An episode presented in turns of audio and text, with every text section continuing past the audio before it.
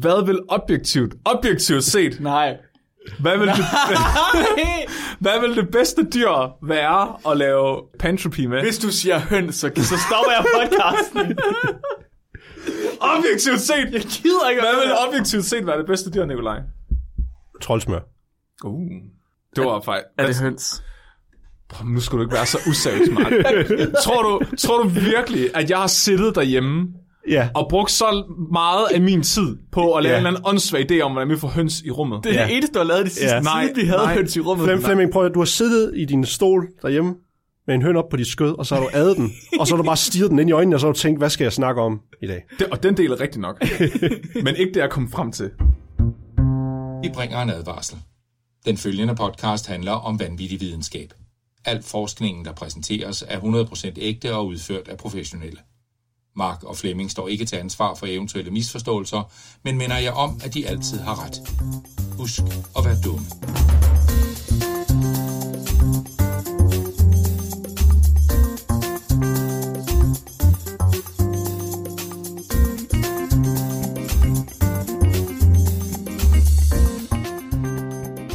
Velkommen til Spækbrættet, din bro til vanvittig videnskab. Jeg er jeres interstellare objekt, Nikolaj. Fuck, jeg er jeres interplanetare legende, Flemming. Og jeg er jeres kogende dværgplanet, Mark. Kone dværgplanet. Velkommen alle sammen. I dag, som I måske kan høre ved vores navne, så skal vi snakke om lidt mere rumlige ting. Faktisk i dag, så skal vi snakke om eksoplaneter. Nå, jeg tror du sagde Max mor. Åh, lo, lo, lo, lo, lo. Ej, det er dejligt at være i studiet igen. Ja. Det er rigtig, rigtig dejligt. Er godt at se jer igen. Jeg har ikke Ja. set jer et stykke tid. Ja. Nej, jeg har heller ikke kunne kigge nogen i øjnene i flere uger. Altså, det, det, gør, det er hårdt. Selv for en, for en følelseskold vestjyde, så er det hårdt ikke at kunne kigge folk i øjnene. Jeg skal have lavet sådan et billede af, dig, af mig, der kan hænge på dit kontor, du kan kigge på. Ja tak, eller også bare få dit webcam til at fungere, så vi kan snakke sammen. Ej, det er for besværligt. Igennem internettet. wow. det er sådan noget hedens noget, det bruger vi ikke på Torsinge. Nej, jeg ved det godt. Jeg tror, I skal have sådan en følelsessensor på den en, en side af hinanden, sådan, så når Flemming rører ved musen, så, så når du rører ved din mus, så kan du opmærke oh, vibrationer åh, fra det. De der, øh, de der øh, øh, pin, pin cushions. Ja. Så, så, så når Flemming han lægger sin hånd på den, så dukker der en hånd op ved mig, som jeg så kan røre ved. Ja. Nå, jeg tænkte på de der, jeg tænkte på de der flashlights, man kan putte i USB. Jeg skulle også sige, ja. der var et eller andet med Pornhub, de havde announceret et eller andet med Ja. det. Åh, oh, det lyder ulækkert. Det lyder rigtig, rigtig, rigtig klamt. Så kan vi få analog forbindelse. Det var slet ikke det, vi skulle snakke om. Nej. Vi skal snakke om eksoplaneter i dag, så hvad har du for eksempel taget med, Flemming? Jamen, øh, jeg havde hørt, at I ville snakke om eksoplaneter. Og så tænker jeg, det vil jeg gerne lære at gøre. Og så øh, vil jeg... Vil jeg fordi hvis vi alle tre snakker om kun eksoplaneter, så bliver jeg forvirret. Fordi Nikolaj, han forbereder sig altid meget bedre. Så, så, så jeg, jeg vil sikkert bare komme til at snakke om et andet, Nikolaj havde nævnt bare dårligere.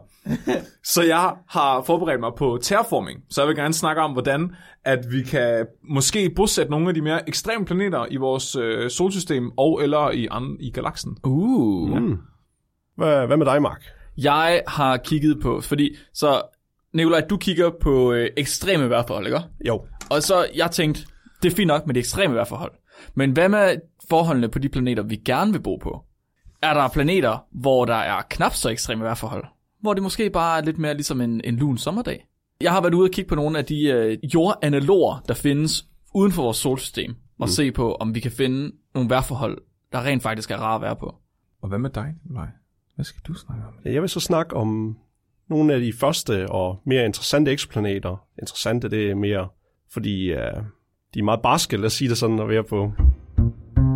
Men som sagt, vi skal snakke om eksplaneter i dag, og det jeg vil snakke om, det er, jeg har udvalgt nogle få eksplaneter, mere fordi jeg synes, de var meget interessante med deres ekstreme vejrforhold. Så tag det her som en form for en interstellar vejrudsigt.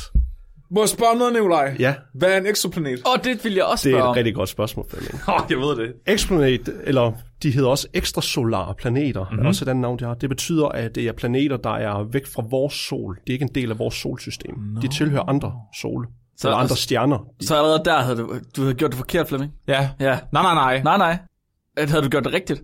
Jeg har, ja. Okay, ja. Men du havde kigget på dem i vores solsystem. Nej, nej. Nej, nej. Det kunne være hvilken som helst planet. Nå, okay. Jeg, jeg har lavet min egen plan Okay. i tre faser for, hvordan vi kan kolonisere en hvilken som helst er, planet. er, er, du ved at være ligesom Marvel nu, når du deler det op i faser, eller hvad? Ja, ja. Okay, Ja, okay, okay, ja. okay, okay. Jeg siger bare, at Werner von Braun vil være stolt. Jeg synes bare, det lyder som om, du kun var interesseret i Jupiter. Nej, det er jo fucking mainstream. Okay, fint nok. Fleming er en uh, Uranus-man. Mayanus.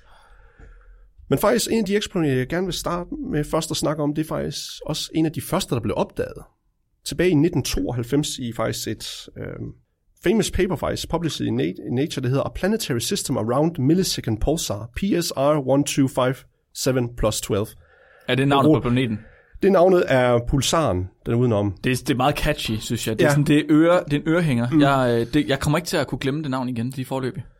Hvad hed den? P- p- penis øh, sauce. Ja, penis plus 12. Ja, Sauce. pe- penis plus 12. Ja. Og det, der faktisk er rigtig interessant ved det her, fordi ikke bare var det her nogle af øh, det første øh, solsystem, hvor vi fandt de første øh, eksoplaneter, vi observerede. Men det, der er rigtig interessant, det er, at det er bare ikke en normal stjerne, de flyver ud, eller de er, er i kredsløb rundt omkring. Det er det, der hedder en pulsar. Og en pulsar, det er et lidt mærkværdigt objekt. Det er faktisk det, der hedder en neutronstjerne. Så det vil så sige, at når en, når en stjerne den når slutningen af sit liv, hvis den har en hvis stor nok masse, cirka 10-20 gange massen af vores øh, sol, så bliver alt øh, stof, alle elektroner og protoner, de bliver simpelthen masset så hårdt sammen, at de bare bliver til neutroner. Så du har faktisk et objekt, der har det, der svarer til 20 solmasse. Men det blev presset så hårdt sammen til en diame, eller til en øh, ja, omkreds på omkring 10-20 kilometer. Oh shit, så det sådan, det, det er sådan en stjernes øh, midtvejskrise, hvor den bare går på den sygeste ja. diæt og, og, og Det er et eller andet med, at hvis du kunne få en sukkerknald af neu- neutronstjernestof, så ville det veje, veje sådan en milliard ton. shit.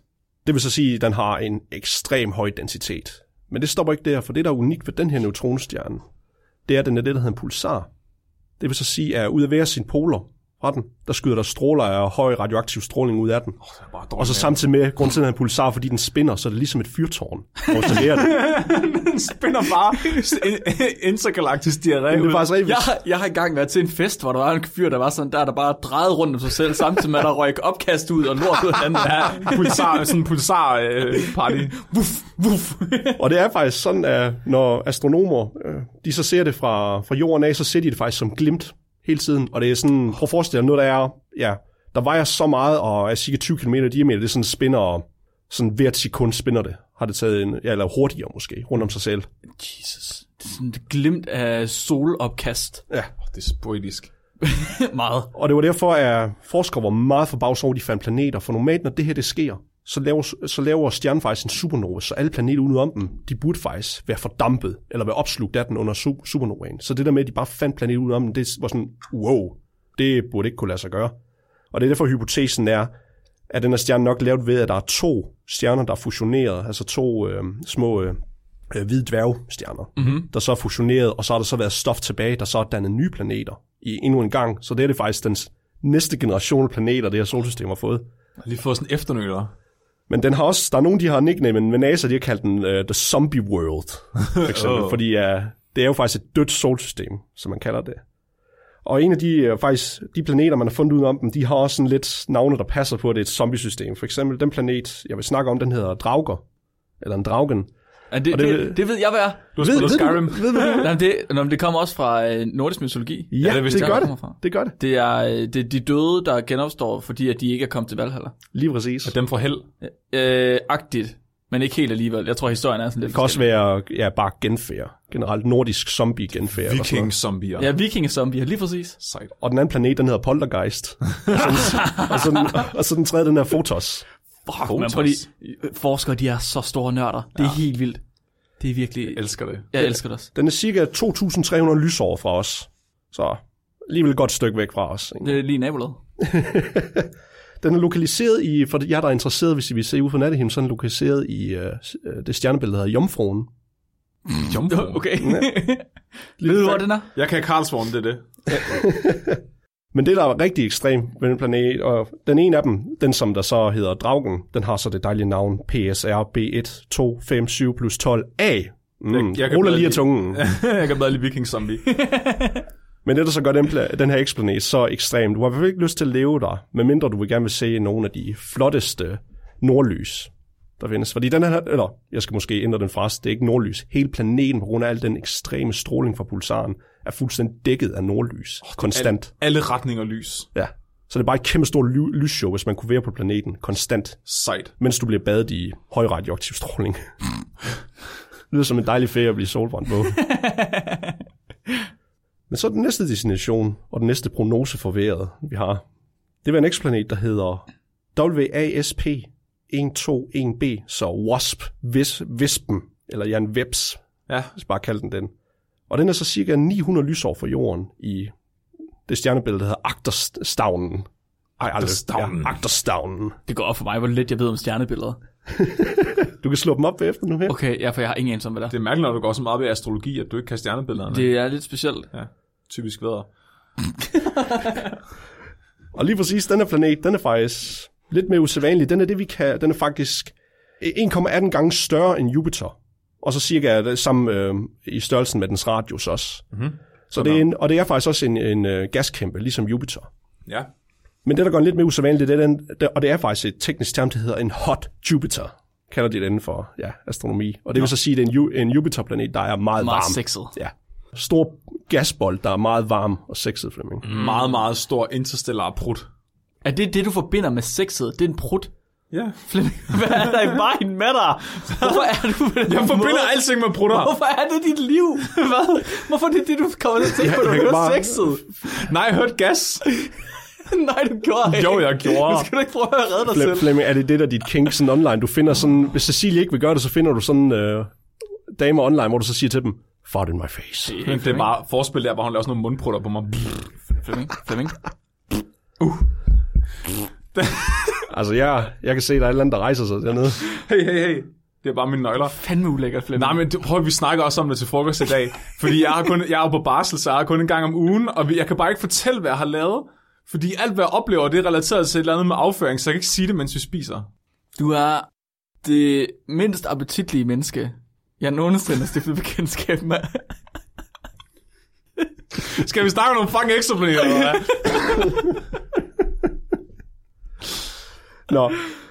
Men, grund til, at den så er så varm, fordi vores solsystem, hvis vi lige skal kigge på det, Jupiter er faktisk rimelig langt væk. Vores solsystem er faktisk meget usædvanligt, har vi fundet ud af nu her, når vi begynder at opdage mange eksoplaneter og andre solsystemer. Faktisk, de fleste solsystemer, der er gaskæmperne, de er faktisk virkelig tæt på deres stjerner. Og ved vores, der er de, de yderste planeter, Nå, og det er faktisk meget usædvanligt. ved man hvorfor? Man har ikke, det er det, man er ved at studere, ved at kigge på eksplaneter. Og man finder flere og flere af dem, hvor deres store Jupiter-størrelsesplaneter, de er nærmest lige oppe ved siden af deres sol. Det giver vel i virkeligheden også mening, ikke? At, de, at dem, der er mest gasagtige, de vil være tættest på varmekilden. Ja, for det er jo det gas, der tager over, der ikke blev til solen. Nej. Ja, der ikke kom ind i solen. Vel? Ja. Så det er lidt mærkeligt, at det ikke fortætter sig på en eller anden måde, når det kommer væk fra varmekilden. Men det kan være, at vores, vores solsystem, nu går vi tilbage til ligesom den kristne tanke om, at solen løber rundt om os. Det er stadig os, der er i centrum. Nu er det bare hele vores solsystem. Der er unik, ja. Vores solsystem er unikt. Det, det er fordi, den er flad jo. Ja, jorden. Ja. Nå. Er det det, der gør den unik for mig? Det er også unikt, for det ser man heller ikke i andre solsystemer. Nej, Nej, Nej, hele alle, alle andre planeter er runde, Vores, ikke? Men vores er flad. vores solsystem er det unikke. Det er Ja. omvendt af alle andre solsystemer. Ja. Vi er de eneste, der har det sådan. Som sagt, som jeg hentede lidt mod, det der gør, at den her um, gasplanet, den er så varm, det er faktisk, fordi den er så tæt på sin sol. Faktisk er den så tæt på, at den tid, eller et år på den planet, det er cirka 1,2 dage. Så tæt er den på solen, og så hurtigt drejer den rundt om, sol, om sin stjerne. Kæft, man At, gammel. at et år, det er cirka 1,2 dage. Det er dyrt i fødselsdagskære.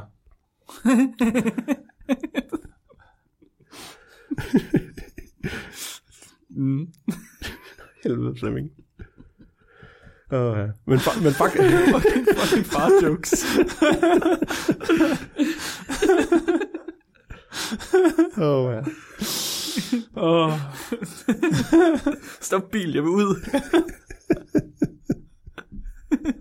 Man skal bare ikke, man skal huske, at man ikke skal tænde lysene, for den er lavet af gas. Oh. Det er så dejligt at se jer igen.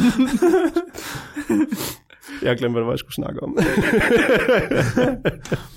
Dagene var kun 1, årene var kun 1,2 dage. ja. Men fa- faktisk så er den så tæt på, hvis den var en lille smule tættere på, så vil den faktisk blive fuldstændig revet i stykker af tyngdekraften fra sol eller fra den stjerne. Og det gør faktisk, at den er formet som en amerikansk fodbold. Den er sådan squashed fuldstændig. Ja, Nå, på grund af øh, tyngdekraften fra, fra stjernen, den er så voldsom, at den trækker i den. det er vildt nok. Men det er ikke det, der stopper, fordi som jeg sagde, så er den også det, vi kalder en varm gaskæmpe. Faktisk så er den øvre atmosfære, den er 2.400 grader varm. Men det er kun den øvre atmosfære. behøver man slet ikke tænde lysene. Det godt meget. Men vi har, vi har fundet mange andre planeter, der var sådan varme, og, det, og de andre gaskæmper, vi har i vores solsystem, de er også varme, men det er ikke i den øvre atmosfære, det er først, når vi kommer længere ind. Her den er den faktisk så varm, at de har observeret, at der er dampe af jern og titanium, der faktisk undslipper atmosfæren fra planeten, så det simpelthen bare fordamper ud. Så voldsomt er varmen på den planet her. Shit. Så, men, så det, jeg havde tænkt, når nu vi skulle høre om vejret på ekstraplaneter, Flemming, uh, sorry, uh, Nikolaj, det eneste, jeg kan relatere det til, det er, hvordan er vejret, når man tager på ferie. så hvordan ville det være at tage på ferie på Vipsen? For det første, hvis du vil lande der, der vil ikke være noget at stå på. Det vil bare være en, en gasplanet, så du vil Så bare... det er en badeferie, siger du? Ja, du, ja. Bare, du, bare, du vil stille dig der, og så vil du bare begynde at synke ned mod øh, kernen af planeten. Uh, det lyder, det lyder allerede lovende. Bliver man så egentlig ikke knust under vægten fra den sådan Jo, tyngdekraft? en, indtil du når, hvis du ikke når at blive knust, så vil du ramme en gas, der er samme densitet som Så I, dig. I siger, at man taber sig af at tage på ferie her. Det er også uh, rimelig stor plus. Hvad med, hvor lang tid tager det, før man bliver sådan lækker solbrun, tror du? Jeg tror engang, du vil nå at kunne komme ud af rumskibet. Det, og så det går stærkt. Det er, det er godt at vide. Ja, ja. Fordi det er tit det, man, ligesom, det, er det, man gerne vil, ikke? Og man vil gerne, når man er på ferie, du vil gerne have en ordentlig badestrand, du vil gerne have nogle ordentlige indkøbsmuligheder. Du skal også blive hurtigt brun, i hvert fald, hvis man spørger øh, alle dem, jeg kender, der tager på badeferie. Og det lyder lovende, det synes jeg. Mm. Det synes det går stærkt med at blive brun på den her planet. Det, jeg tror, det er indtil videre, er det mit, øh, det er Man der, jeg gerne behøver, vil. man behøver heller ikke til solcreme på, for du skal ikke være bange for hudkræft, når al din hud er brændt af. det er smart. Ja. Og så får du lige lov til at indånde nogle dejlige dampe af jern og titanium. Jeg har hørt, at titanium, det er sundt for, for leveren. Det siger, det siger kloge mennesker. Er det en detox-effekt? Ja, Ja, Jern, det er jo noget med blodet også. Ja, Det, jern, jern og blod, ja, ja, ja, præcis. Det er smart, så jeg tror, øh, den her, så vipsen indtil videre, den har, øh, den har plus. Er, er det fordi, den er fodboldformet? Som en amerikansk Det er, fodbold? ja, ja, det er også, det er helt sikkert også en, post, en bonus. Ja. kan man svæve, ligesom Mary Poppins, hvis man nu har en magnet, fordi den hæver fast i jernet? Det, Oh, det er en attraktion, man har Det er en på den her planet. Ja, ja. det er meget muligt, Fem. Man magnetfisker atmosfæren. Og det næste levende billede, vi har, der skal vi faktisk kun 65 lysår væk fra jorden. Og der skal vi i stjernebilledet Reven. Og det her, det mener jeg selv, det kunne være et fantastisk sted at tage på ferie på. Ah, sådan. Din rev. Dejligt. Faktisk så er um, stedet, det er kun 13% højere i masse end Jupiter, så det er også igen en kæmpe stor gasplanet egentlig. Mhm. Så her, der skulle du også gerne veje mindre, Mark. Ja, og det er godt, det kan jeg du, godt lide. Du kan flyve i hvert fald. Eller? Ja. ja. Uh, uh, bonus. Og den er i kredsløb rundt sin stjerne cirka 2,2 dage. Så det er et meget kort år, Mark. Du kan hurtigt blive gammel, eller have mange fødselsdage der. Ja, og, øh, men jeg kom til at tænke på, det betyder jo også, at man kan holde nytårsaften rigtig mange gange. Ja, Men ikke så mange gange, ikke så hurtigt, at man har tømmermænd, hver gang man holder nytårsaften oh. igen. Man når lige du har lige en dag til at komme der. Præcis, og dag. alle ved, at nytårsaftensfesten, det er jo den bedste fest, der er. Det er sådan hver anden dag af juleaften, nytårsaften, din fødselsdag på én gang. Det er fandme smart. Og det, så, ja. det er ret genialt, så det her, det er planeten, man skulle tage hen for at, tage, for at holde fest. Det tror jeg. Så hvis der er sådan noget konstant nordlys, som på de andre, det er bare disco. Ja. Jamen, den havde også en kort dag også, tror jeg. Ja. Og ikke nok med det, det er også en meget smuk planet, for det er faktisk den eneste planet, vi har fundet, der er en sand blå farve. Nå, Fordi her på jorden, der skyldes det på grund af, hvordan lyset det bliver øh, reflekteret eller scattered, for eksempel. Men her er det faktisk en sandblå farve. Med, og så er der, der er dejligt varmt også på planeten, også kan uh. jeg lige fortælle jer faktisk. Hvor varmt og dejligt varmt. Jamen, det er sådan, sådan dejligt behageligt 1000 til 1200 grader. oh shit. Det er smukt. Det er alligevel ikke de 2.000 som på den amerikanske Ej, fodbold. ej, Nej, nej, men det er rigtigt. Men det er også, hvis du skal holde fest, så er du i, ligesom i festtøj, og det er lidt varmere, end hvis du har en rundt shorts t-shirt. Det er rigtigt. Og farven, det skyldes faktisk, at atmosfæren, den er fuldstændig sat til med det, der hedder silikatpartikler, eller kvartspartikler. Det samme som der er i sand og i glas. Åh, oh, du bliver bare sandblæst med sådan nogle glaskorn, hver gang det, det er det, vi blæser. kommer til, fordi det, det blæser nemlig dejligt meget. Vindene, de er cirka 8.700 km i timen Åh. af vindene. Sådan. Det svarer til det, der hedder Mark 7. Det vil så sige, sy- ja, ikke, ikke sådan en mark, ikke sådan en mark. det, vil så Er sige, du syr mig? det vil så sige syv gange lydens hastighed. Det er det er relativt hurtigt, synes Jeg, jeg. jeg forestiller mig bare Mark, der går ud på overfladen af den her planet i sin boxershorts med en øl i hånden. Oh, party! Og så, så bliver du ramt af sådan en storm af glasskår. Syv gange ly, lydens hastighed.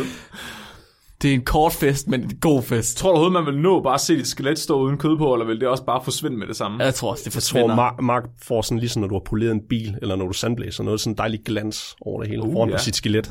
Det er, ja, for delen, så vil jeg vil være, øh, jeg vil være vinderen af enhver bodybuilder-konkurrence. Uh. Jeg siger det bare. Du, Det er du, du du er det, de kalder shredded.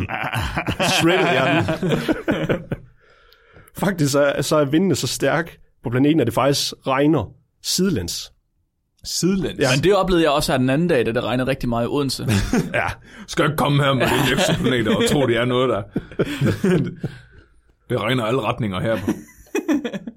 Men det, der så gør den lige lidt mere attraktiv måske som en, ferie, som en dejlig feriedestination, det er, som jeg sagde før, at den er cirka 1000-1200 grader.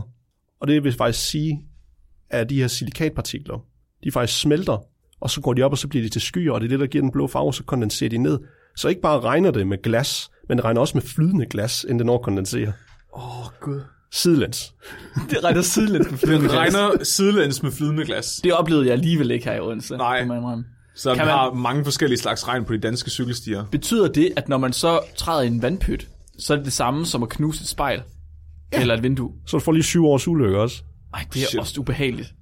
Skal bare stå stille. Når, når sådan noget glasregn, det kon, hvad hedder det? Kondensere. Ja, altså, eller fryser. Eller et eller andet. Ja, Altså, hvis det fryser, så bliver det vel fast. Bliver det så til ruder? Altså vindue? det, det tror jeg, ja. Det Det er er, der- fordi det det, er det, der- er det, glas er lavet af. Fuck, det er mærkeligt. Det er sygt mærkeligt. Det er, der, det er deres udgave af, af havl, havl. Det er sådan nogle cocktailglas, der rører ned. Ja. Dejlige spidse cocktailglas. Åh, det er smart. Så igen, så taler den til, hvorfor det er festplaneten. Fordi her, der har du jo allerede alle cocktailglasene i din hånd. Ja. Yes, yes. For helvede, du behøver ikke engang, du behøver ikke vaske dem op, fordi det er også regn. Så det er jo bare sådan væk. Win fucking win. Lo, lo, lo, lo, lo, lo, lo. Og det bringer os så til den sidste destination for Marks lille interstellar ferie. Ja. vi kan høre. Det er en planet, der hedder HD 80606b. Nå, Ruller lige, ja. ruller lige af tungen. Ja. Ja, de, Og den er cirka 190 lysår for os. Det er ikke så Og den er lokaliseret i stjernebilledet Storbjørn. Ja, jeg kan rigtig godt lide navn på, eng- eller på engelsk. Ursa Major. Ursa Major. Og det er faktisk en del af Karlsvognen. Det er også en varm Jupiter. Der er rigtig mange eksoplaneter, der er varm Jupiter. Eller kæmpe stor varm gasplanet. Den er faktisk fire gange massen af Jupiter. Og en rimelig stor krabat, end hvad vi er vant til at se på. Faktisk så er dens, dens kredsløb det, der hedder meget øh, excentrisk. Jeg tror, det er det rigtige ord. Det vil så sige, at ikke bare de normalt så kredsløb, de er elliptiske, hvor de sådan er formet som et æg. Men den er, den er så, så hvis I får, forestiller en elliptisk cirkel, men den er strukket endnu mere ud. så de er cigarformet. Næsten lige før, ja. Og den ene ende, det er den, der er tæt helt nede ved solen. Så det meste af tiden, når den er rundt om solen, den er meget langt væk fra sin øh, stjerne. Men så lige en kort periode, der kommer den ekstremt tæt på, og så flyver den langt væk igen. Ja, Er med. ligesom- Så den ene ende, en ende af cigaren, den er Yes, sådan yes, helt yes, nede yes. ved Ja, den stjerne. Ja, ja, ja. Og det gør faktisk, at fordi normalt så et år, det tager 111 dage for den her planet. Men så er der den ene dag i hele sit år, hvor den kommer rigtig tæt på sin stjerne. og der sker der, og det er inden for 6 timer, der er nogen, har forskere observeret, altså stiger temperaturen så voldsomt på planeten, at der faktisk kommer, den stiger om cirka 500 til 1000 grader inden for 6 timer. Oh, shit. Det er ligesom i, øh, i Vestjylland. Om, om, om si- sidst, sidst på sommeren, Ja. der øh, skal man sørge for, at heden den er klar til, at der kan gro noget nyt. Så der brænder man alle lyng på heden. Wow. Ja, det, det lyder som om det er det samme her. Det er bare lige sådan en frisk start hver eneste år.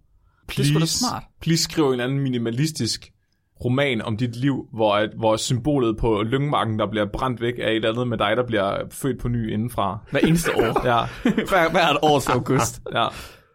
Det her fænomen, det er så voldsomt, at når den kommer ind, fordi det er, den, den er ene dag ud af sine 111 dage ved de 6 timer, når temperaturen stiger så voldsomt, den her temperaturen den gør faktisk, at der kommer chokbølger over planetens overflade med vindene. Faktisk er de 15 gange hurtigere end øh, lydens hastighed. Så Mark 15 på den her planet. Mark 15. Så du vil se det som sådan en chokbølge, der bare blæser hen over planeten inden for 6 timer. Shit. Bare pum, blæser den alt væk. Hvorfor er planeter så fucked? Hvorfor er de alle sammen så ekstreme? Hvorfor er der ikke noget, der bare er normalt? Jeg har en idé om, jeg tror, universet er ude på at slå os ihjel. Det er en smuk tanke.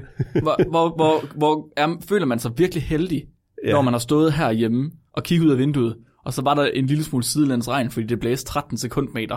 som er Ja. tusind gange mindre end Mach 1. -agtigt. Og så står vi altid, og vi brokker os altid over ved, at så er det for varmt, så er det for koldt, så regner det for meget. Ja, ja, men tag du, tag du til øh, HD bl- 060807, Ja. og så blive brændt af en gang om året. Ja. Det siger, det siger jeg til William, når hun skal til at cykle i skole. Men på andre planeter havde det været meget Ja, værre. ligesom den der, du skal spise op, fordi i Afrika sulter de. Altså, Du skal cykle i regnvejret, fordi på den her planet, der regner det med flydende glas. Det var dagens interstellar vævesigt. Ej, smukt. Tak for det. Jeg havde måske ikke lige forudset, at det ville være så slemt, at det stod til på nogle af de her planeter. Men det var ikke slemt, det var øh, dejlige feriedestinationer Ja, med afslappning i hovedsædet. Det er en standarddag i Jylland. Den gang far var barn. hvis vi, nu, hvis vi nu siger, at det du lige kom med var Australien, så havde jeg mere forestillet mig øh, Sydfyn i sådan vejrforhold. Mm. Så jeg, jeg, jeg vil gerne snakke om, hvordan at vi kunne prøve at forme nogle af de her planeter, og, og komme og lege Gud, og så sige, det der flydende glasregn, det er fucking træls, nu skal vi bare have noget almindelig regn, så vi kan dyrke noget humle. Mm-hmm. Og, og det er egentlig et koncept, der findes inden for videnskaben. Ideen om at forme en hel planet eller en hel verden i sit billede, sådan så at liv på jorden vil kunne eksistere på andre planeter, fordi mm-hmm. forholdene på andre planeter vil komme til at ligne det på jorden. Ja. Mm. Ja. Så hvis vi nu forestiller os nogle tilfælde af planeter, hvor vejrforholdene er knap så ekstreme, men måske er lidt tættere på det, vi oplever her, som for eksempel på Mars. Ja. Så Mars er en af de eksempler, man tit kommer med i terraforming, hvor man øh, så vil bruge teknologi til at frigive nogle af de molekyler eller kemikalier, der findes i, i Mars' jord, til at lave en atmosfære, der indeholder for eksempel øh, ilt, eller lave vand, sådan så at altså, de vigtigste ting, livet skal bruge for at kunne bestå. Det har jeg gjort i Spore. Kan jeg huske? Computerspillet. Åh. Ja, og Ja. det er et godt Og- spil. Hvor du kan lave abominations. Ja. Ja, så en af, de, ting- en af de ting, man tit hører om, det er, at øh, man skal terraforme Mars. Og det synes jeg er sådan lidt kedeligt at høre om, fordi så der er noget vand på Mars i forvejen, og det er sgu lidt nemt. Det, altså. ja, det er faktisk lidt snyd, ikke? godt? det Ja. er som om, Ja. du spiller på nem. Ja. Så hvis I gerne vil høre om, hvordan at man har tænkt sig at terraforme Mars, så kan I gå ind og se, der er en rigtig god øh, video for Kutzgesagt, der har lavet om det. Ja, men altså, Kutske sagt tager også altid de nemme veje. På spækbrættet, det der spiller vi for svært. Vi spiller på ultra hard, og vi fejler. Oh. Spiller på hardcore, du får kun et liv, du får ikke nogen respawn. Nej, Og vi dør efter de første 6 sekunder. Ja. Men en ting, man ikke hører om så tit, det er ideen om at terraforme månen. Og det faldt jeg over her den anden dag. Så der er flere, der har snakket om, om det kan lade sig gøre at skabe jordlignende forhold på månen, sådan så at liv for jorden vil kunne leve der. Og det første, man tænker, det er, ah, men øh, nu har jeg hørt om noget af det her med atmosfære, og det er rimelig vigtigt. Fordi hvis vi nu begynder at prøve at lave en atmosfære op på månen, så vil månen ikke kunne holde fast i den her atmosfære, den vil faktisk bare flyve af. Er det rigtigt?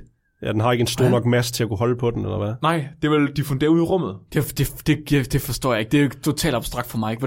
Den kan ikke holde fast i atmosfæren, så den flyver af. Nej, så selv, selv Jeg forestiller mig, der- jeg forestiller mig øh, det, det, den brune pud uden om mandler, som man smutter af. ja, ja. Er det, det, er det sådan? Det, det tror man faktisk er sket med Mars på et tidspunkt, at der har været en solstorm, der har blæst atmosfæren af. Åh, oh, det er sindssygt. Så ja. ligger der bare her på et eller andet sted, Ja. og svømmer rundt. Ja, det er dens ham, der ligger derude. Kan man, kan man tage den og bruge den? Det ved jeg ikke, er sikkert fuld af fu- mærkelige alien-fugle. og det sådan gider vi ikke. Ja, og blæksprutter. Ja, fordi, fordi Mars har jo egentlig en tyngdekraft, der er høj nok til at holde en atmosfære, men mm. månens tyngdekraft, den er ikke høj nok. Men den er høj nok til, at den midlertidigt kan holde på en atmosfære.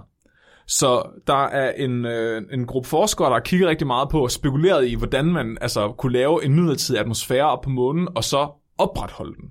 Fordi der er rigtig mange forskellige gasser i, i vores atmosfære, men ba- hvis vi nu bare kun fokuserer på ilt, som er det, vi bruger til egentlig, når vi trækker vejret og lave, øhm, hvad nu det hedder, elektrontransportkæden i cellerne, energi, så ilt, det er tungt nok til, at det ikke diffunderer ud i rummet lige med det samme. Det er tungt nok til, at det kan blive på overfladen af månen. Hvis man producerer nok af det, så vil det kunne blive der længe nok til, at vi faktisk kunne have en stabil konstruktion af ilt derop.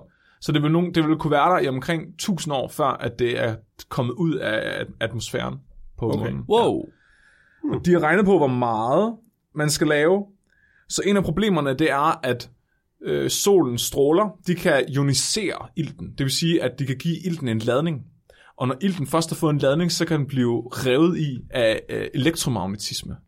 Og solen, den gør det, den prutter en gang imellem. Den laver det, der hedder en solstorm. Så det er sådan nogle øh, gasudbrud, hvor den laver også nogle elektromagnetiske felter, der går igennem rummet, og så vil den faktisk kunne hive ilten ud. Men hvis vi får lavet nok, hvis vi får lavet en atmosfære med et tryk på 1 psi af ren oxygen, det vil kræve 200 milliarder tons oxygen på overfladen af månen. Og det lyder, det lyder som rigtig meget, og det er det også. Men hvis man skal, hvis man skal udvinde det for, for eksempel fra månens egen overflade, så vil det kræve, at man tog en kube, der er 50 meter i, øh, i hver retning, og så udvandt alt oxygenen fra den kube af Mars' jord. Okay. Det vil være nok til, at du kunne lave en, en atmosfære på, på månen med ild i. Wow. Så oxy- der er simpelthen oxygen, der er bundet i, i mundens øh, jord. Ja, ja, det er ikke, oxy, ikke øh, oxygen specifikt. Det er nas, og det er en, øh, der er, hvad hedder det, oxygenmolekyler Ja. ja. i selv, men ikke i form af O2, ligesom det ilt, vi indånder. Nej. Ja, Altså, der er oxygenatomer, men Ja, ikke ja. oxygenmolekyler. Ja, og de vil så, NASA har jo lavet en metode, hvorpå at de kan omdanne eller udvinde oxygenmolekylerne fra jorden, mm. og så lave dem om til ilt. Okay. Og det er mega sejt. Så de tager en hel masse måne jord, og så kobler de kæmpestort, altså så laver de det om til et stort batteri, sådan så at der kører strøm igennem jorden, og så hiver de, fordi oxygen det er noget af det mest elektronegative, der findes. Altså det vil sige, det vil virkelig, virkelig gerne hen imod en positiv ladning. Så hvis du sætter batteri til, så hiver du oxygenerne ud af alle molekylerne, der er i jorden. Så der er alle mulige altså kemiske forbindelser, det indgår i, det bliver hævet ud af. Og så får du sådan en, en, en ende af den her månesten, hvor i al oxygen er, og så kan du lave det om til ilt. Det er, ligesom, ja, det er ligesom det klassiske elektrolyseforsøg med vand. Hvor hvis du sætter strøm i vand, så går der oxygen i den ene side, så splitter det sig, og så går der hydrogen i den anden. Bum. Ja. Jeg elsker, når man snakker kemi. Der er også nogen, der foreslår, at man henter noget vand ned på overfladen af månen. Øh, så man tager nogle kometer, og så, som er lavet af is, og så får man den til at styrte ned på månen. Så du tager bare en raket, og så skubber du til den her komet, sådan så den kommer ind for månens tyngdekraft, og så styrter den ned, og så får du vand. Det er den amerikanske måde at gøre Der det var på. engang en, der sagde til mig, du må ikke, sige, du må ikke bare sige bare. Bare, sig bare. Du tager bare en raket, og så henter du bare nogle iskometer ned, og så lader du det bare dem ved ned på det, det lyder som den mere amerikanske måde at gøre det på. Bare hammer nogle meteorer ned på månen. Vi bombarderer bare månen med vand, for helvede. Jeg, jeg tror, det er i relativt til at skulle tage en, en månesten, der er 50 gange 50 gange 50 km, og, og lave den om til batteri, så synes jeg, det er meget bare at hente nogle. Vi skal, vi skal bruge 100 kometer på størrelse med Halley's komet. Wow, var det 50 øh, kubikkilometer? Ja, Åh, oh, jeg hørte 50 kubikmeter. Jeg, okay, Nej, nej, 50 ja. kubikkilometer. Ja, okay, ja. okay, okay. Det- Så det er derfor, det er bare. Fordi så vil man kunne udvinde ilten fra øh, vandet, ligesom du fortalte med, ja. At man hiver hydrogenerne fra. Det er ligesom princippet bag terraforming på månen. Og det er jo noget, der så kan bruges på andre, altså på planeter også, ikke kun på måner, men også på planeter. Så man kan bruge det på Mars, og man kan bruge det på nogle af de eksoplaneter, vi har allerede har udset os. Fordi man finder jo af og til planeter, der er sådan relativt tæt på i gåsøjen, som har jordlignende forhold, men alligevel ikke helt. Hvis vi på en eller anden måde kunne tilføre noget vand ved at få nogle kometer til at styrte ned der, og vi kan omdanne noget af det her vand eller andre ting i, i overfladen på den her planet til ilt, og det i forvejen har nogenlunde tyndekraft, som kan holde på en atmosfære, så er vi allerede et rigtig godt stykke af vejen. Og det er jo ikke mega science fiction at gøre det. Altså, vi har allerede teknologien, vi har bare ikke skalaen til at gøre Nej. det endnu. En anden ting, vi dog har teknologien til allerede, som er mindre sci-fi for mig at se, det er i stedet for at lave terraforming, hvor du laver planeten om til at kunne tage jordlignende forhold, eller øh, tage liv fra jorden, så laver du liv på jorden om til at kunne leve på planeten i stedet for. og det er noget helt nyt, der hedder bioforming, og det er også kaldt, kaldet pantropy. Og det handler om, at du tager liv fra jorden, og så genmodificerer du bare røvhullet ud af det her dyr, indtil det kan overleve og være på overfladen af den her planet. Der, havde bare, der, der sagde du bare igen. Nu skal I bare holde jeres kæft. Kineserne, de er allerede gået i gang. Ikke? De, Selvfølgelig er kineserne de, kineserne, de har allerede lavet de første CRISPR-mennesker. Genmodificerede børn, som er, hvad er det, de er immune over for HIV. Ja. Det er altså, altså, jeg tænker, næste skridt, det bliver at lave dem sådan, at de kan tåle at være i mega lavt tryk. Sådan, så de bliver, sådan nogle, de bliver sådan nogle mega dense mennesker på overfladen af jorden. Hvis, hvis vi sender dem ud i rummet, så bliver de sådan normale, og så folder de som ud sådan. Men er det ikke faktisk det, vi snakker om, det vi snakker om bjørnedyr? Det der med, at man kigger på, hvilke øh, proteiner og molekyler bjørnedyr har, som de bruger til at klare alle de her vanvittige livsbetingelser. Jo. Og så tager man de proteiner og molekyler og stopper dem ind i mennesker. Eller dyr. Jo, sådan så de kan klare mere ekstreme forhold. Ja. Og det er jo egentlig et mega fedt koncept, og det er noget, at vi kan forholde os til som, øh, som øh, molekylærbiologer. Ja, jeg, jeg, da du sagde det, så er jeg sådan, hvor, hvordan kommer jeg til at arbejde inden på det? Hvor, hvor, Ja. hvor er det jobopslag hen? Så, Jeg vil. så jeg har lavet en plan nu. Oh. Jeg har lavet en plan i tre faser. Er det, her- er det her dit, øh, dit pitch-idé til NASA, eller hvad? Ja, ja, NASA, hvis, Elon Musk, hvis du hører det her. Han er den eneste, der er sindssygt nok Du siger det på engelsk, siger det på engelsk, så forstår ikke dansk. Elon Musk, if you hear this, you should give me a arbejde. Yes.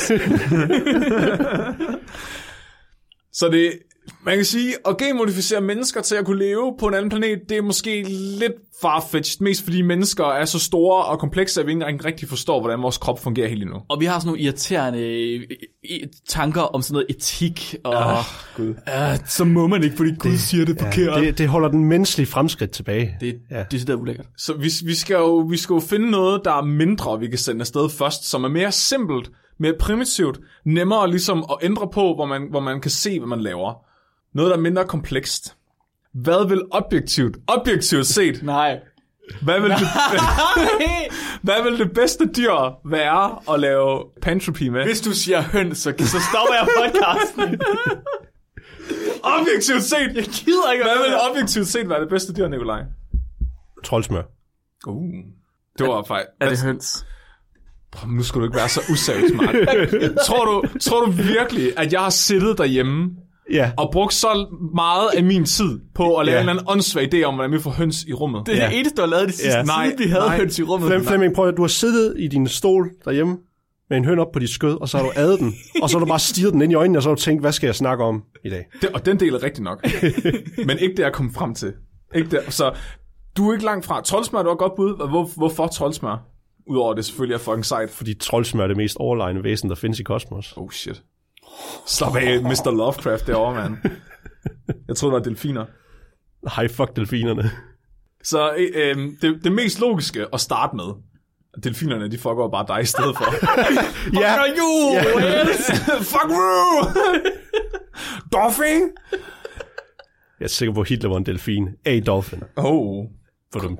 Oh shit, det var, au, det går helt ondt. Så den mest logiske mark vil jo selvfølgelig være at vælge en mikroorganisme. Altså Ja. en encellet organisme, som vi meget nemt kan ændre generne på, og så kan den ligesom formere sig på overfladen af den planet. Fordi encellede organismer, de kan også tåle nogle mega ekstreme forhold her på jorden. Vi snakker om det i vores øh, afsnit om rummet, med Werner von Brauner afsnittet efter, om hvordan at der faktisk lever bakterier og andre mikroorganismer på overfladen af den internationale rumstation, og der måske endda er nogen, der lever ude i rummet. Der er allerede nogen, der er gået i gang med at kigge på og genmodificere cyanobakterier og alger til, at de kan overleve på Mars, og så begynde at omdanne Mars' jord til oxygen. Mm. Sådan så, at vi egentlig bare sender en petroskål afsted med nogle baktusser på, og så begynder de at gro, og så begynder de bare at lave en atmosfære til os. Så det er egentlig ligesom terraforming, bare med liv. Der var, øh, der er sådan en historie, der er sådan en afsnit af Disneys øh, Tarzan, Ja, tegneserien, hvor de har et problem med, det er en god er tegneserie. det æderkopper, tror jeg. Ja. Og så sætter de, øh, nej, eller myg, og så sender de frøer ud for at spise myggene. Ja. Men så får de et problem med frøer, og så sender de slange mm. ud for at spise frøerne, og så Ja. får de et problem med slange, og så sender de ræve ud for, og så, så videre og så videre. Ja. Flemming, hvor dårlig en idé, tror du det er? Og jeg er glad for, at du spørger, fordi jeg vidste, du ville sige det der. Ikke lige det der med Tarzan, det burde jeg måske have forudset. Men, og, det, og det er det der er problemet, fordi der, her på jorden, ikke? så går alle bare mok, og så siger de, åh, du skal tænke på miljøet. Åh, du skal tænke på GMO. GMO, det er farligt. Vi må ikke spise genmodificerede afgrøder, så falder vores testikler af. Og så kommer der sådan en Greenpeace-nørd, ligesom Mark, og siger, ej, hvad sker der mon med balancen i naturen, hvis du sætter, hvis du sætter de her ting. Men prøv der er ikke noget liv i forvejen. Der er ikke noget andet op på det er en fucking rød sten. Jamen, hvad, Det er jo lige meget. Men hvad nu, var det ikke closed først at gøre det, når vi er 100% sikre på, at der ikke er noget? Tys. Så får de bare nogen, og så får de selskab. Fordi her, her på jorden, der har vi jo problemet med, at alting det eksisterer i den her orden. Og alting, altså alle dyr, de har ligesom gået igennem den samme evolutionslinje, eller i hvert fald parallelt. Så hvis du, når, når evolutionen ligesom introducerer nye ændringer, så har konkurrenterne også tiden til at, at tilpasse sig den ændring, som de får. Ikke? Så det vi hele tiden ser, at byttedyr og, og, og, og, og, og predators, rovdyr, de hele tiden udvikler sig for at undgå hinanden. Og det er derfor, det er mega fuck, når du så tager nogen fra den ene ende af jorden, og så sætter på den anden ende af jorden. Fordi så har de ikke haft tid til at tilpasse sig. Og det er det, der for eksempel skete i Australien, som det der afsnit af Tarzan bygger på, med at, øh, at i 1788, der kom der kaniner fra Vesten til Australien. Og den fauna, der var i Australien i forvejen, var bare fucking, det var perfekt for kaniner. Og der var overhovedet ikke rovdyr nok til at æde de her kaniner.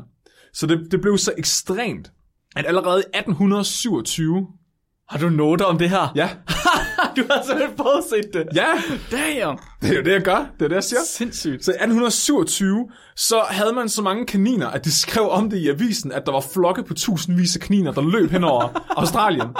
Altså, det er på, det, Bare sådan hårder af kaniner. det er på 50 år, det er sket der. Ja. Mm. Det er sindssygt. Og der, hvis man går ind på YouTube, så findes der en, øh, en video i sort-hvid fra 1949, hvor, hvor, hvor der er sådan noget mega munter musik, sådan noget munter klassisk øh, musik, der kører ind over en sort-hvid video af, der er bare folk, der løber rundt og, og laver genocide på kaniner i Australien.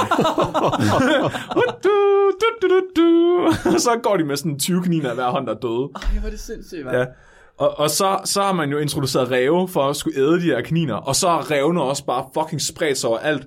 Og forskellen på ræve og kaniner, det er, at ræve, de knæpper også alle de andre dyr, der er der i forvejen. De spiser ikke kun deres mad. Så revne de begyndte også at æde alle de andre dyr, og så kom der nogle tusser derover, og de der tusser, de over det hele, og Det er faktisk, har I set, der er den der øhm, åh, dokumentar på Netflix, som handler om, hvad fanden er den hedder? Den der Unnatural Selection, er det sådan den hedder? Den der, hvor de viser folk, der gerne vil bruge CRISPR til at genmodificere hunden for at gøre dem grønne eller sådan noget. Åh, det er en god idé. Ja, så der, snakkede de nemlig lige præcis om de der øh, tusser, der Ja. er i Australien, Ja. hvor de havde sat dem ud, fordi de skulle æde en eller anden bestemt myg eller sådan noget, og så fik man et problem, fordi de tusser var giftige, og det var der ingen af dyrene, der kunne holde til, og når de åd dem, så døde de af dem. Ja. Så er der kraftet med, og det er sat i gang. Der er en gruppe, der tænker, Nå ja, det gik jo ikke så skidt første gang, så lad os prøve igen, men med mindre tusser.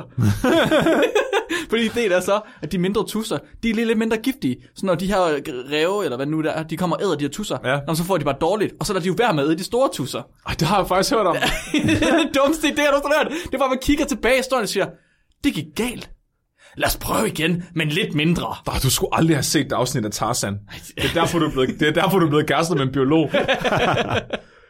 Jeg, jeg har så et spørgsmål. Mhm. Mm-hmm. Hvad, hvad er din pointe med, hvorfor vi så skal have cyanobakterier op på Mars? Så okay, så ikke nødvendigvis kun Mars. Det kunne være en hvilken som helst planet. Det, det her det er bare min trefasers plan, Ja. der virker for alle planeter. Der er sådan relativt jordlignende, men atmosfæren er der ikke helt. Så trin nummer et, det vil være at sende nogle øh, genmodificerede mikroorganismer op, for eksempel cyanobakterier, som bruger energi fra solen til at omdanne øh, et eller andet i jorden til øh, oxygen. Altså begynder at lave en atmosfære, vi rent faktisk kan trække vejret i. Trin 2, det ville så være at sende noget, der var lidt større derop. Altså et mikroskopisk, multicellulært dyr. Og der er kun et dyr, der fortjener den plads. Bjørnedyret. Bjørnedyret spiser i forvejen fucking alt, hvad den kommer i nærheden af. Den, de æder hinanden, de æder planter, de æder alger. De, altså, de, hvis der er noget, de kan få ind i munden, så spiser de det. Så de kan komme derop og så kan de begynde at spise de her øh, cyanobakterier, og så kan de begynde at syntetisere nogle af de der sådan lidt mere komplekse organiske molekyler. Ikke? De kan, hvis vi nu genmodificerer dem, sådan, så de laver alle de essentielle aminosyre osv., så, videre, så begynder vi faktisk at være deroppe af i kompleksiteten. Og det er her, jeg introducerer min tredje fase til koloniseringen af enhver planet. Høns. Ja! Nej, Vi, og nu, nu, nu skal du lige slappe af. jeg troede, det var mennesker. Nej, vi er nødt til at have noget mellem før menneskerne, Mark. Vi kan jo ikke spise bjørnedyr. Det var det, jeg troede. Jeg troede, du havde til at spise sådan en suppe af bjørn. Vi kan da spise algerne, eller cyanobakterierne. Du bare så sådan skuber sådan store og laver en patty. Bare sådan vi, vi ved udmærket, hvad der sker, når folk begynder at spise vegansk, Nikolaj. Så dør de. så det, vi skal, så, og det her det er ikke bare noget, jeg siger, fordi jeg elsker høns. Jeg har virkelig, jeg har tænkt rigtig meget over det her. Og Så det meget bliver bias. Der er så meget bias. punkt nummer et. Du, du, har, du har nogle underpunkter til dit tredje punkt. Ja, ja, ja. Nej, tredje fase. Til, undskyld, tredje fase. Undskyld. Punkt nummer et. Høns vil endelig kunne flyve rigtigt ved lavere temperatur. Prøv lige for at luk, luk, tag, nu vil jeg tage med på en rejse. Prøv at lukke øjnene, og så forestil jer, at der kommer et træk på flere tusind høns, der flyver. Bang, Der, altså, de trækker hen over planeten og følger sæsonerne. Og så, Men, men du ved jo godt, de høns, de, kommer ikke, de ved jo ikke, de kan flyve. De, de vasker op i luften, og så er det sådan, wow, jeg burde ramme jorden nu. Hvad sker der? nej, men vi giver dem jo seler på. oh, okay. Men så siger, så, men nu siger Nikolaj, ah, Flemming, hvad med strålingen, Flemming? Oh, ja, det vidste du vil spørge, Nikolaj. Jeg har set Er, er, Chernobyl. det, er det sådan, jeg lyder? Nej, nej. Du, arme Flemming, hvad med strålingen? hvad med strålingen? Det er et godt spørgsmål, Nikolaj. Nu har jeg set Chernobyl, og det kvalificerer mig til at vide alt. Jeg ved alt om radioaktivitet. Og der er en af afsnittene af Chernobyl. Ja, det er mit yndlingsafsnit. Der er et afsnit af Chernobyl, hvor at, øh, der er en dame, der kommer ind til sin mand, som er radioaktiv, og står og nusser ham og slikker på ham og laver alt muligt, og det må man ikke. Man må ikke røre ved noget, der er radioaktivt, så dør man. Men hun er gravid, og, det, og så al radioaktiviteten er går ind i babyen, og så dør babyen, men hun overlever. Høns, de lægger æg. Hønsene, de kommer til at lægge radioaktive æg, som renser deres krop for den her radioaktivitet. Hvad? Hvad? Det er jo genialt. Jo, fordi al radioaktiviteten bliver absorberet i de her Jeg, jeg, fostre. De, jeg, jeg tror ikke, det er sådan, det fungerer. jo, det er det. har, du ikke, har du set Chernobyl? Nej. Nå, så kan du ikke udtale dig om det her. og Shit, nu man. tænker, nu, nu tænker I, Flemming, den her, den her idé, den, den kan kun gå galt, fordi den er så god. Det er ligesom E.J.F. Goldblum fra, fra Jurassic Park, men så siger jeg nej. Fordi det, jeg behøver ikke at genmodificere hønsene, så de alle sammen er kvinder, ligesom de gør i Jurassic Park. Det går galt alligevel. Hanerne, de overlever ikke, fordi haner ligger ikke æg. De, hanerne, de dør af strålingen. Og det er perfekt, fordi så de, de kan måske lige nå at leve længe nok til at befrugte nogle af hønsene. Og det, det, bliver sådan, det bliver sådan et smukt samfund af amazonkriger, hønsedamer, som, som, som lever uden mænd, men kun lige nok til, at de kan nå at befrugte dem. Og det, det er jo et kæmpe selektionspres. Så der vil komme, altså, evolutionen vil bare løbe løbsk med det her høns. Så hvis evolution kommer til at løbe løbsk, hvad så, når vi endelig kommer derop på et tidspunkt, mm-hmm. som mennesker, Ja. og hønsen har udviklet sig til at være sådan nogle overhøns, Ja. der allerede er længere fremme i deres civilisation, end vi er, fordi mm-hmm. de har en kortere ja. reproduktionstid. Ja. Hvad gør vi så, når vi skal til at kæmpe? Ligesom Planet of the Apes, Planet of the Chickens. Vi underkaster os, og så indser vi, ligesom jeg har gjort for længe siden, at det er de sande overherrer. Og over hunder. Ja, Hvorfor præcis. får, hvorfor får jeg på fornemmelsen? Den her idé, det er ikke helt din egen, Flemming. Den her idé, jeg tror... Når du sidder derhjemme og kigger på dine høns, så ja. tror jeg, at de visker det til dig. Det er, li- oh, ja, Om de skal hjælpe dig med at få verdensherredømmet. det er ligesom hende der hesteviskeren, der ja. har skrevet en bog, som hendes uh, hest havde fortalt hende. De slikker det i øret på dig. Ja. ja. Men, men det er jo genialt. Og selv, selv, hvis, selv hvis de ikke er vores overlords, når vi kommer derop, så, så er der være noget på den der planet. Der vil være fucking radioaktiv æg overalt. Og det kan vi bruge. Så laver vi sådan et kraftværk, der, der kører på de her radioaktive æg. Jeg, tror, At Mark er imponeret lige nu. jeg kan lige forestille... Det, det, det lyder som et afsnit af Simpsons, hvor Homer sidder på atomkraftværket, så er det bare æggene, han putter i, ned i stedet for i re- reaktoren. så, så er han lige og piller dem først, inden han putter dem i. Sådan æggedeler. Jesus. Nogle spørgsmål? Nej, Nej, det, nej. det, er en, det er en brilliant idé, Flemming. Det er en Nobelpris lige der. Uh. Tak. Det synes jeg også selv. Jeg er sikker Siger på, at Elon Musk han er den eneste person, der er sindssyg nok til at, vil, at, at finansiere den idé. Jeg kalder det flemmoforming. jeg har alt for meget tid, er på barsel. oh, shit, mand. Damn. Det var, det var, det var imponerende. Jeg, var, jeg er imponeret. Ja. Tak. Consider me impressed. Flemming, du snakkede om, at vi kan vælge at kigge på nogle af de planeter, der er i vores eget solsystem. Men der er også nogle planeter, planeter, som man finder uden for vores solsystem, som man siger er tæt nok på jorden, til at det kunne være noget, der er, der er beboeligt. Uh. Og vi har faktisk en planet, den tætteste planet, vi har, exoplanet, vi har, den hedder øh, Proxima Centauri B. Og den blev, fandt man i, øh, i, jeg tror det var i 2016, at man fandt den sådan definitivt og sagde, at den er der. Og helt, så har man forsket på den helt tilbage op til, op til nu. Nogle af de ting, man kigger rigtig meget på, det er, hvorvidt man kan bo på den her planet. Fordi den planet, den ligger uden for vores solsystem. Og der er nogle videnskabsmænd, der ikke har den samme indsigt som Fleming, der har valgt at sige, solsystemet, vores solsystem, Det skulle ikke det være. Der er ikke nogen beboelige planeter. Vi skal finde nogen, hvor det er lavet i forvejen. Vi, vi gider ikke starte fra scratch af. Vi tager, vi tager sgu der, hvor det er lavet i forvejen. Så kunne man finde en planet, der har et lidt mildere klima, lidt mere badeferieagtig klima end Nikolajs planeter. Hey, hey, hey.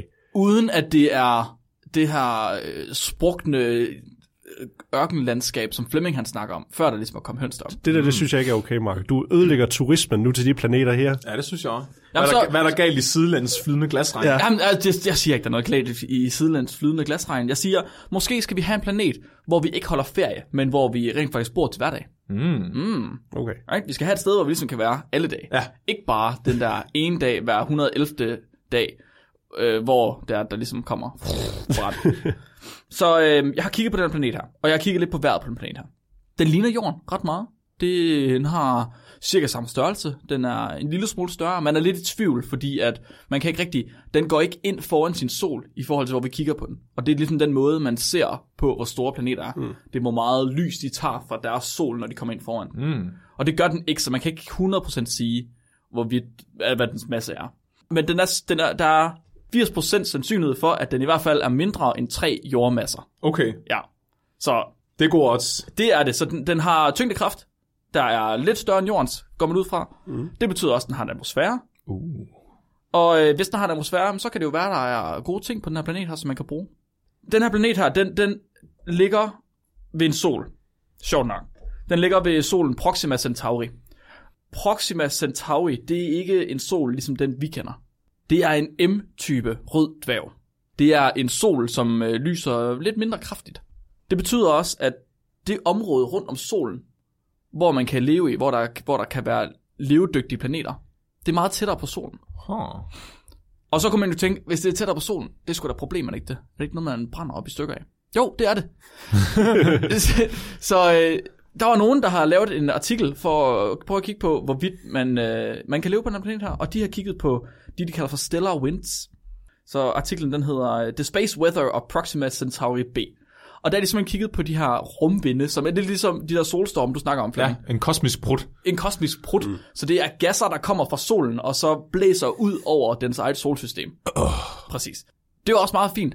Og vi har det også her i vores solsystem. Vi er bare så heldige, at vi ligger så langt væk fra vores sol, at det ikke er noget, vi dør af. Det er jo rart nok, kan man sige. Så har man kigget på de vinde, der kommer fra solen, Proxima Centauri, Ja. over på planeten Proxima Centauri B. Lavet nogle modelleringer og prøvet at se på, okay, hvad, hvad, hvor store er de prutter her? Er de store og slemme og lugtende nok til, at man ikke kan leve på planeten? Hvor så spørgsmålet er, om dværge slår mindre brutter. Ja, mindre ildelugtende prutter. Åh. Oh. Ja, Er det derfor, mine lugter så meget? Fordi jeg er omvendt dværg. Og de, de har modelleret, hvordan den her sol, den så prutter på sin planet. Ja. Og den prutter op til 2.000 gange stærkere, end vores sol gør oh, på jorden. Nej. Den her planet, som man havde set som en levedygtig planet, muligvis med vand, muligvis med en jordlignende atmosfære, muligvis med alt muligt, den får så stærke prutter, at atmosfæren den bliver smuttet af planeten, hver gang den prøver at lave en. Åh, oh, det er ulækkert. Sådan en bitch slapper bare atmosfæren væk. gang. Bitch slapper bare atmosfæren væk med, med en prut lige i ansigtet. Hold kæft, man. Det er sådan, man opdrager børn på togsinge. Hver gang de lige er ved at lære at gå, så... det fik mig til at tænke på, kan vide, om det er som med alle de planeter, vi tror er levedygtige. Fordi det, man kigger på, når man kigger på habitable planeter, mm-hmm. det er, hvorvidt de er lige så store som jorden, både masse og øh, diametermæssigt, og hvorvidt de ligger tæt på deres sol, og hvorvidt de muligvis har en atmosfære. Og det er det. Mm. Men vi Nej. ved ikke mere om dem. Nej. Er det svaret på Fermi-paradokset? Muligvis. At, at man ikke ved, altså hvis Fermi-paradokset går ud på, at man, man har prøvet at regne ud, hvor sandsynligt det er, at der, hvor mange jordlignende planeter der findes, og hvad sandsynligheden for, at liv vil opstå, er der. Mm-hmm. Men hvis man har glemt at tage højde for solprutter, så vil det jo være meget mere sjældent, end man tror, og det vil forklare, hvorfor at der ikke er mere liv, end, end det vi ser. Jeg fandt en, en Wikipedia-artikel godt nok, men, men på engelsk, så det er en god kilde, Ja. hvor de havde taget øh, hvad hedder det, eksoplaneter, som man kalder for jordanaloger, altså mm-hmm. planeter, man mener er ligesom jorden. Og alle de her planeter her, de er bare alt, alt, alt for varme mm. i forhold til, at der kan være liv på det, fordi man har ikke taget højde for temperaturen. Nå, Man har bare kigget på, ligger den i den her habitable zone? Mm-hmm. Er den lige så stor som jorden? Og har den muligvis en atmosfære? Så har man trykket, ja, ja, ja. Og så har den bare været 2000 grader Kelvin, ligesom Ja, ja, ja. Planeter. og det er træls. Ja, så det er ikke noget, man ja, kan leve fordi på. størstedelen af de alle sammen, det er der er mange, de påstår, at universet er skabt for liv. Nej, tværtimod, det er Ja. dødsens fejl, det er ude på at slå os ihjel, mand. Shit. Næsten alle planeter derude, de er fuldstændig unhabitable. Men der er så nogen, hvor, hvor man så er begyndt at lave lidt undtagelser ved den regel, at i stedet for at kigge på planeter, jamen, så kigge på deres måner. Mm. I stedet for, for nogle af månerne kan godt have mere favorable, ligesom vi måske har i vores egen solsystem med Europa. Ja, månen en- Europa. Ja, månen Europa, ja, Jupiters måne for eksempel, hvor den faktisk bliver holdt varm for tyngdekraften på Jupiter. Så den Wow. har et flydende hav, selvom den er frossen på overfladen. Det er sejt. Og det er ret sejt. Ja, fordi som det er lige nu, så er alle de eksoplaneter, man har fundet, som man tænker, man kan leve på, der er man nødt til at leve inde i planeten, Ja, under overfladen. lige præcis. Fordi overfladen er altså bare bliver brændt af af den sol, eller har så meget stråling, eller en af de ting, der er ved den her planet, det er, at den er så tæt på sin sol, fordi at solen den ligesom er så lille, at dens dag og år er lige langt. Det vil sige, at den har altid samme overflade vendt mod solen på Ah, alle ja. tidspunkter. Den er sådan tidal locked. Ja, ligesom den, månen, ja, ligesom vores måne. Lige Lige præcis. kun én side Lige mod. præcis, lige præcis. Men det betyder jo, at man har en meget, meget varm side, og en sindssygt kold side. Det betyder også, at solen, den trækker jo i tyngdekraften på planeten. Så hvis der skulle være noget vand på den, så vil det alt sammen lægge sig på den ene side, ja. der er sindssygt varm. Så vil det bare have så gashelvede, så damphelvede på den side. Det er ligesom at stege en bøf uden at vende den. ja, ja, fuldstændig. Bare rød vores. Hvis, hvis nu har lyst til, at du skulle til et spabad eller noget, Mark, så du skal i en sauna, og så kan du lige gå over på den anden side. Jeg blev bare så, det, det, det gik bare op for mig, at jeg tror sgu ikke, der findes nogen planeter, der er værd at Jamen, leve jeg, på jeg vil længere. faktisk sige en ting, fordi jeg har hørt, der er mange øh, forskere, der har snakket om, at lige præcis det tilfælde med planeter, der er tidally locked til Ja. deres sol, at når du så har en meget varm side og meget kold side, så er der jo faktisk et sted, hvor vi har hvor der er permanent mørke for eksempel, hvor der er den her position, hvor temperaturen måske lige kan være korrekt, hvor der er det her lille snævre bånd på planeten, Ja. hvor der måske kan være liv i Vi stedet laver for. et fucking rækkehus hele vejen rundt om. Lige den der zone der. Og hvis børnene de går for langt ud og leger, så, så bliver de bare brændt op. Eller så fryser de til død. Ja, åh ja. På den ene eller anden side har du bare brand eller isørken. Bare ude og spille bold, så rører den ud i den der zone der. Åh, Henning. Ja, det var sådan, fanden mand. Ja, men for helvede, så, du, så kan du kun bruge lige præcis den der diameter om jorden til at Ja, leve på. ja. Du misser hele resten af jorden, eller hele resten af planeten. Prøv lige at tænke på, så, så, så, så kan du bare gå ud af bagdøren, og så er der koldt, så kan du gå ud og sætte din øl der. Så er det sådan, jo længere væk du går, jo koldere er den. Det er sådan ligesom den perfekte jorddybde til ølkøling. så er det den perfekte længde væk fra rækkehuset til at køle din øl. Og så når du skal tilberede din mad, så går du ud af hoveddøren, og så sætter du den bare Hvordan tror I, det må være, hvis, hvis nu det sker, at man kan komme fra jorden til sådan en planet, og skulle, altså ikke bare, at man skulle øh, vende sig til de andre forhold, der er, men også skulle vende sig til, hvis du går ud af hoveddøren, så bliver du brændt, hvis du går ud af bagdøren, så bliver du frossen. Man skal i hvert fald have tøj på det, til lejligheden. Det. det, det, Du kan, du kan lave nogle meget gode pranks.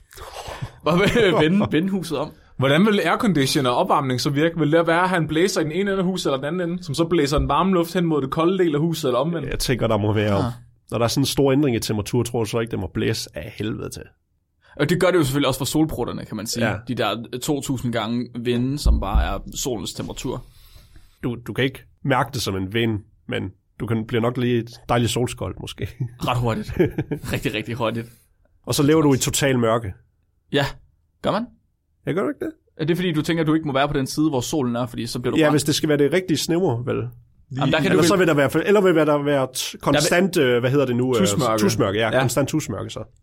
Jamen, jeg tror ikke, det er sådan, at det lige præcis er ved skumringen. Så det er alt, altid skumring eller solopgang. Ja, Uh. det er Og også, man kan ikke ja. vide, hvilken af dem det er. Jamen, det er også det, jeg tænkte, ja. Så det, Man ved aldrig, om det er solopgang eller solnedgang. Det det er er bare, faktisk lidt smukt. det er bare solgang. Det er faktisk, det er faktisk lidt smukt. Solgang. Ja. Vi lever på solgangsplaneten. Ja. Nikolaj ryster bare på hovedet af os. Jeg har taget et lytterspørgsmål med. Det har ikke så meget med planeter at gøre, udover måske en lille bitte smule. Det kommer fra Helene, min kæreste, som sad inde i sofaen en dag, Ja. og så sendte hun mig kraftet med med en messengerbesked ind til, øh, ind til soveværelset. Hvorfor elsker jeg dig egentlig? Oh, wow. Wow. Eller, eller bedre endnu, du har sådan jeg tror, du har et rigtig pænt kranje, Mark. Ja. Men så svarede jeg på hendes spørgsmål, og så tror jeg, det er derfor, hun elsker mig. Så hun, øh, hun skriver og spørger ind.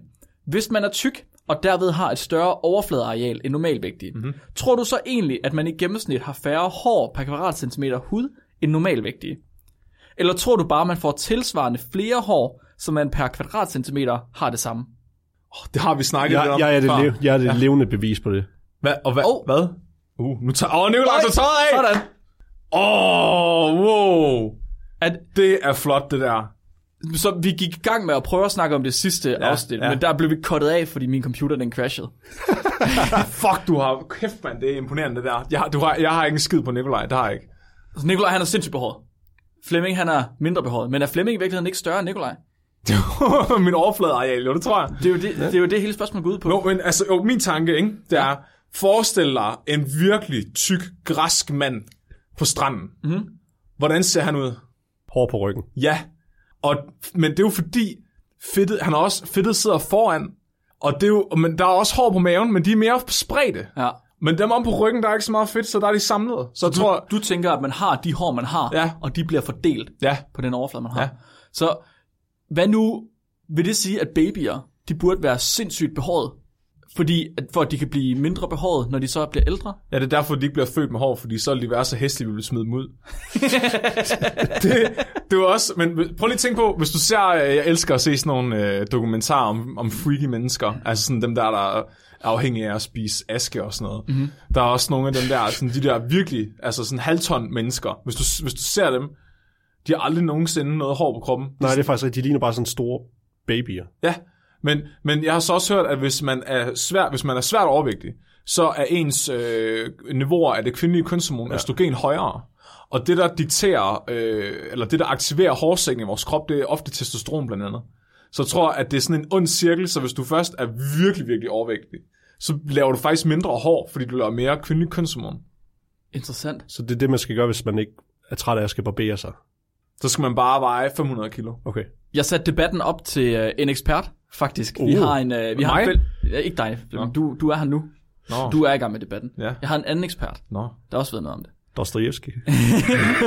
Så vi har en, øh, en fælles veninde, der ja. arbejder her på øh, SDU med at lave kunstig hud og 3D-printe kunstig hud. Uh. Hun hedder Nicoline. Og jeg tænkte, hvis der er nogen, der ved, hvordan hår i hud fungerer og opfører sig, så må det være hende. Jeg stillede Nicoline det her spørgsmål og så siger hun, mit umiddelbare gæt det er, at strækket i huden ved øget volumen, vægt, det tvinger huden til at udvide sig, og derfor tvinges cellerne ud i deling, der medfører hududvidelsen. Det må være muligt at gro nye hårfollikler, og ikke være begrænset af det antal, man bliver født med. Både på grund af det, vi allerede har nævnt, men også hvis man forestiller sig et dyr, der får skrabet sig. Der kommer jo hår på området igen, når huden er helet. Men det kræver så, at nogle celler skal give ophav til hårfolliklerne. Og Nicoline hun skriver, at under sit speciale, der læste hun, at hårsækken indeholder sådan en pose med stamceller, der giver mulighed for hårcyklus. Så når, så når, når, huden, når hudcellerne deler sig og bliver flere, så vil de også lave flere hårsække. Så det hun, er, det, hun skriver lige her til sidst, det er lige ikke var sådan helt sikker på, fordi der er mange tekniske termer. Det bliver meget klogt, det her. Det bliver meget klogt. Så skriver hun, at der er nogle ved, stamceller, som, altså nogle af de stamceller, der er i den pose her, de kan måske udvikle sig til hudceller, andre kan muligvis udvikle sig til, udvikle sig til hårfollikler. Nå. Men det er hun lidt i tvivl om. Så det man i virkeligheden skal vide, det er, hvorvidt de stamceller, der er i den pose her under huden, om de kan udvikle sig til hårfollikler. Altså de her poser med hår i. Hvis de kan det, så må det jo betyde, at man får mere hår, Ja. hvis man udvider sig. Men hvis de ikke kan, så må det jo betyde, at man har det hår, man har, mm. og så er det det. Men jeg tænker måske også, det kan også have noget at gøre, som du siger, Flemming, med østrogenniveauet. Fordi, hvad nu, hvis de rent faktisk kan det, men det, der får dem til at blive til hårsække, det er testosteron. Og et østrogen, de sørger for, at de ikke bliver til det. Så har du faktisk den der onde cirkel. Kan vi ikke lave et eksperiment? Kan vi ikke få en af vores lyttere til at tage 200 kilo på, og så tæller vi vedkommendes hår før og efter?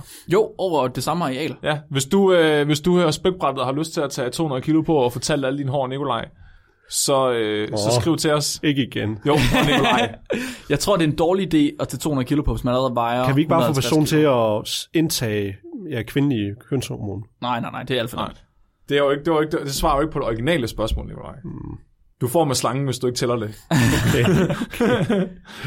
Så Helene, bare lige for at... Nu siger jeg det i radioen, jeg skal også nok sige det derhjemme til dig, når jeg kommer hjem. Uh, Uh. vi ved det ikke. Hvad? Nej, jo, vi ved det jo. Vi ved det godt, siger Flemming. Ja. Men vi skal lige lave et eksperiment for at være Ja, helt sikre. ja. Vi tror... Hvad tror vi, Flemming? Ja. Hvad tror vi? Ja. Ja? Ja, blev der sagt. Okay. Vi tror ja. Det var det for lytterspørgsmål herfra. Tusind tak. Tak fordi I har lyttet med, folkens. Tusind tak. Hvis I gerne vil støtte os, så har vi noget nyt, vi er gået i gang med, som Mark han allerede har sagt om, eller fortalt lidt om. Jeg går rundt med en dåse og ryster den, og så kan man putte lidt småpenge i, og så synger jeg. Men man må selv bestemme. Det er kun, for- hvis man ja. har lyst. Jeg går fra dør til dør. Det er kun, hvis man har lyst. Man kan også bare vælge at smække døren i hovedet på Flemming. så begynder han at græde, men Ja. det skal man ikke tage sig så meget af. Det er simpelthen bare, Så skider jeg i din postkasse. jeg tror, vi har fået at vide, det er der, vi ikke må gøre. Nå, vi må ikke true folk. Nå. Nå er det rigtigt. Vi har fået noget nyt. Vi er, øh, spækbrættet, de kom på det, der hedder tier, så man kan gå ind på www.tier.dk-spækbrættet, og så kan man give et lille beløb per afsnit til spækbrættet. Det hjælper os sindssygt, sindssygt mm. meget. Bare en, en femmer per afsnit i måneden, det er allerede rigeligt til at betale for øh, min psykolog, og også til at betale for øh, altså Flemings baby, der kommer, og også alle hans andre dyr, Min høns. og muligvis også til at betale lidt for regninger, Nikolaj. Jeg er lidt lidt i Ja, men jeg, jeg er ved at blive konverteret til at være højrehåndet. Jeg er ved at tage et kursus i det. Ja, Okay. ja, hvis Nikolaj bliver højrehåndet. Ja. Så der er, ingen, Ja. ja. der er ingen penge, der går til spækbrættets regninger, men vi har masser af penge til alt muligt andet, vi gerne vil, vil have brugt. Så det kunne være rigtig, rigtig rart. Det, det, er- det kan man hjælpe os med. Men er det så, staver man det tier som med bogstaver, eller skriver man tal, eller hvordan gør man? Det er stadig med tal. E 10er.dk-spækbrættet med E. Kabum. Kabum.